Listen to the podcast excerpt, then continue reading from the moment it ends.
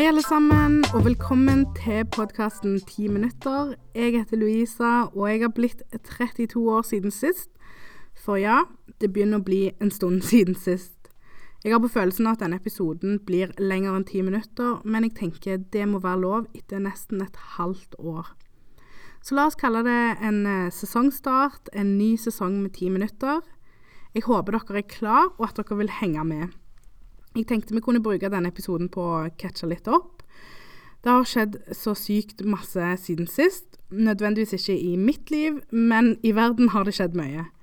Og det er selvfølgelig mye av det jeg ønsker å ta opp her i ti minutter, og det kommer jeg nok til å gjøre fremover. Vi har f.eks. hatt metoo, et etterlengta oppgjør med seksuell trakassering. En global bevegelse som har reist seg mot en problematikk som har fått herje lenge nok, spør du meg. Og vi er langt ifra i mål. Jeg føler vi er i den spede starten av det hele.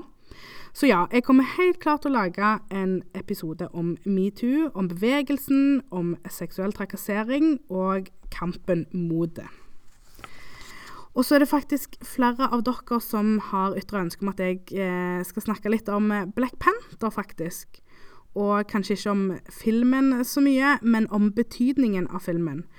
Og eh, med representasjon som utgangspunkt, og det skal jeg absolutt gjøre. Jeg har sett filmen, og jeg har fulgt med på debatten, og ikke minst sett mottagelsen av den.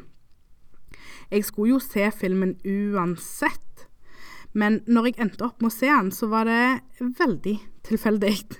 Jeg vet ikke helt om det var et You had to be there moment, men jeg syns det var sykt funny. Vi skulle egentlig se The Post, meg og to venninner. Salen var utsolgt, eh, sa venninna mi som kjøpte, kjøpte billettene. Men når filmen begynte, så var vi bare ti personer maks i salen, inkludert oss. Og da spurte jeg venninna mi om hun var sikker på at vi satt i riktig sal.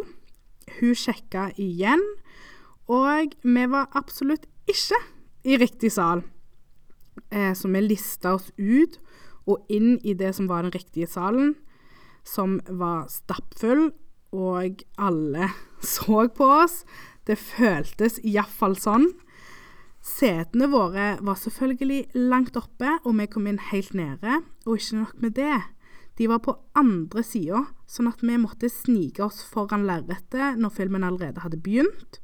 Og når vi kom opp til setene våre, så satt det selvfølgelig noen der. Og det var et godt voksent par, og vi sier dere sitter på plassene våre, og de sier noen har tatt våre plasser, og alle sitter feil. Oh my god. og vi var anstendige nok til å ikke lage en scene. Filmen var jo i gang, og jeg tror vi følte at vi hadde fått nok oppmerksomhet som det var. Så vi bare lista oss ut igjen, ned hele veien, og foran lerretet igjen, og ut. Så da gikk vi opp for å klage til de ansatte. Vi fikk billetter til Black Panther, som var den eneste filmen som rulla og gikk den kvelden. Og plassene var ganske drit, men jeg var veldig fornøyd med å få se filmen. Jeg vet ikke om venninnene mine var like fornøyde, men vi hadde det iallfall løye. Og så fikk vi et gavekort hver, da. Så det skal de ha på kinoen i Stavanger. De, de gjorde det godt igjen. Og vi fortalte selvfølgelig ikke at vi hadde gått feil i utgangspunkt. Det var liksom nok ydmykelse for en kveld. Poenget var uansett at jeg har sett Black Panther, og har mange tanker eh, for hva den betyr for veldig mange. Og jeg gleder meg selvfølgelig til å dele det med dere. Og vi har òg sett The Post siden sist, og den anbefaler jeg òg. Meryl Streep er en av mine store favoritter. Og Tom Hanks eh, gjorde òg skikkelig bra rolle. Jeg eh, anbefaler han virkelig. Og jeg kan jo si at jeg har vært mer på kino i år enn det jeg har vært på flere år, så det sier jo litt om hvor mye jeg har vært på kino i det siste. Eh, altså ikke det siste, for jeg har jo bare vært på kino to ganger i år, men det sier litt om hvor lite jeg har vært på kino de siste åra. Og det ga virkelig mersmak. Ellers i livet mitt så har det som sagt ikke skjedd så mye nytt. Men det går jo sin gang, og dagene fylles med stort og smått. Og jeg tror jeg så vidt toucha innom det tidligere, at jeg har hatt det tungt. I den siste episoden før jul så fortalte jeg litt om det, og at jeg var så klar for å komme meg ut av det. Og den veien har vært både lang og tung, med humper og med hull, men òg fylt av en eh, vilje, iallfall et ønske om vilje, om drømmer og om følelsen av fremgang. Og den følelsen er virkelig god. Så kom desember, og jeg gikk inn i en familiemodus, og det var sykt godt å bare fokusere på de rundt meg, og på det som på det tidspunktet var her og nå, altså jul og alt det digga som hører med. Så gikk vi inn i det nye året på en hytte på Sørlandet med et vennepar og ungene våre og hundene våre. Og vi hadde typisk familiefeiring med et mininyttår eh, noen timer før midnatt, der ungene fikk eh, feire litt, og et eh, ordentlig nyttår med skål og tjohei klokka tolv. Jeg fikk et gledelig gjensyn med en frisk GT. Det var sykt godt. Og jeg ble tildelt kallenavnet GT-Laila, så hva entusiasme kan bringe med seg, folkens, det er ikke til å undervurdere. Og det var rett og slett en perfekt overgang fra 2017 til 2018. Jeg er fortsatt på jakt etter ny jobb, og det er fortsatt eh, ganske tungt. det må jeg bare være ærlig og si. Jeg har måttet tilpasse meg til et liv uten selvstendig økonomi, og det syns jeg fortsatt er ganske jævlig. Men jeg må jo bare akseptere det for nå. For jeg gjør virkelig alt jeg kan for å få meg en jobb. Så nå må jeg bare fortsette å håpe og tro at noen eh, biter på, og at jeg får napp. Jeg har fortsatt òg et stort ønske iblant om å skape noe sjøl, om å utfolde meg og ta noen sjanser. Men styrke og motet har rett og slett vært vekke, og spesielt i høst når jeg gikk på den ordentlige smellen. Så det har ikke vært enkelt å bare tenke og si at jeg nå kjører jeg på. Selv om jeg har sagt det til noen, så, så har det ikke vært lett å bare faktisk gjøre det. I tillegg så har jeg hatt en skrivesperre fra helvete.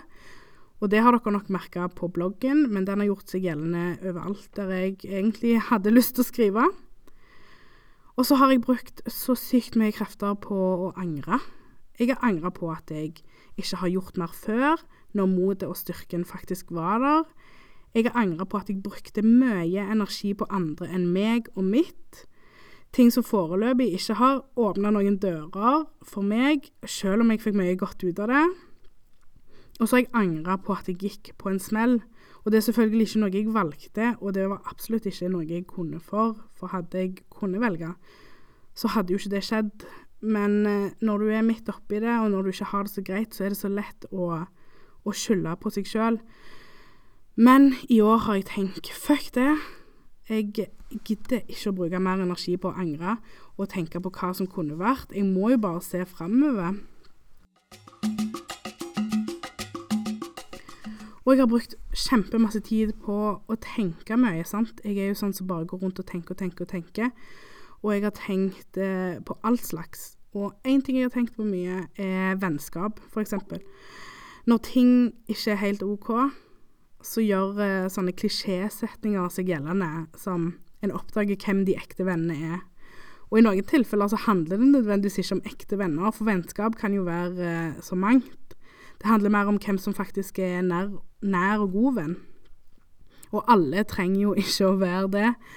Men det er selvfølgelig vondt å oppdage at noen du trodde kunne være nær og god venn, faktisk ikke er det når det gjelder.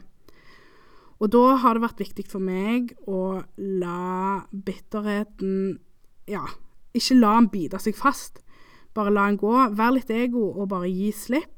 Jeg har jo hatt det nok med meg sjøl, for å si det sånn. Og da er det bedre òg å gi energi til de som fortjener det. Og det er ikke lett, for hvis du er såra, så er det òg en reell følelse som du må anerkjenne og jobbe med. Men så er det nødvendig å komme til et punkt der du bare lar det gå. Og det har vært godt for meg å komme til det punktet. For da setter du òg utrolig mye større pris på de som faktisk er nære og gode. De som du kan lene deg litt på når ting faktisk er drit. Og jeg har òg tenkt mye på hvordan voksne vennskap er så annerledes enn de vi hadde som barn, og som tenåringer, og det er jo naturlig det.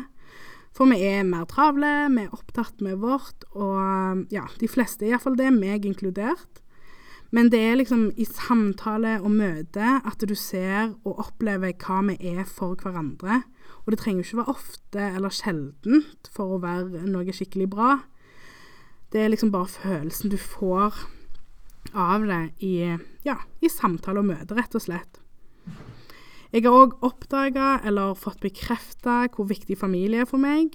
Eh, det har jeg sikkert nevnt før. Og da tenker jeg ikke bare på de som jeg lever med, altså mann og barn. Eh, for de gir meg aller størst mening i livet og i hverdagen. Men òg foreldrene mine. De har vært en enorm støtte for meg på så mange måter. De har bygd meg opp og virkelig gitt meg følelsen av å være verdifulle og å bli sett. De har skryta og stilt opp når jeg gjør det bra. Det er liksom ingenting som bare går i stillhet. Og eh, ja, som jeg sa, så stiller de alltid opp. Som da jeg holdt appell på både Women's March og kvinnedagen 8. mars, så sto de der eh, foran alle og filma, tok bilder. Og de har rett og slett gjort det foreldre skal gjøre. De har gitt meg styrke, gitt meg eh, stolthet og eh, trygghet i en tid der jeg eh, lett har mista det. Og så har jeg de jo rett borti gata. Så da de plutselig skulle til Colombia i fire uker, og jeg sier plutselig fordi det bare kom litt plutselig på meg at det nærmer seg Jeg visste det jo lenge i forkant, men når, de, ja, når det liksom ble nærma seg, så grua jeg meg så sykt masse. Jeg unna de den turen overalt. Jeg var selvfølgelig dødsmisunnelig. Jeg kunne tenke meg å ta den turen sjøl. Men ja, jeg var så glad på deres vegne for at de skulle til Colombia. De skulle møte familie, venner, få litt varme nå i vinter. Men jeg var òg utrolig redd. Jeg var så redd for at en viktig bit av fundamentet mitt skulle vekk. Jeg var så redd for å miste taket, og spesielt med tanke på familien min, for jeg ville jo ikke være en større belastning enn det jeg følte at jeg var allerede. Men så var det nettopp mannen min som ga meg troen på at det ville gå helt fint. Og det gjorde jo det, og jeg kan sikkert takke internett for at det, det ble litt smoothere enn det jeg så for meg. For vi kunne jo faktisk eh, snakke sammen hver dag, og jeg eh, jeg tror til syvende og sist at det var en veldig god løsrivelse, fordi at jeg hadde kommet òg til et punkt der jeg, eh, der jeg rett og slett følte meg mye bedre. Vel, nå tenker jeg at jeg har babla lenge nok, og jeg er så glad for at uh, dere hører på, hvis det er noen som hører på. Jeg håper jo det er det. Siden sist har jeg blitt ett år eldre, jeg er flere vennskap rikere, og jeg er en del klokere. Og våren, som jeg håper kommer snart, sånn IRL og ikke bare på kalenderen. Jeg håper den gir meg nytt mot og ny energi. Jeg føler på meg at den kommer til å gjøre det. Målene mine i år er å være gladere og tro mer på meg sjøl og mine evner. Og jeg håper jeg når de på et eller annet vis. Det vil tiden vise. Eh, vi snakkes om ca. to uker, har jeg bestemt. Og i mellomtida så ønsker jeg dere en fin påske, og ja, gjør noe som får deg til å smile. Og så kan du følge meg videre på Louisa-Lamar på både Instagram og Snapchat. Og hvis du har spørsmål eller tilbakemeldinger, så må du gjerne komme med de der. Abonner på podkasten i iTunes eller der du hører podkaster, og legg gjerne igjen noen stjerner eller en anmeldelse. Da blir jeg skikkelig glad. Nå takker jeg for meg. Så snakkes vi om ikke så altfor lenge. Ha det bra!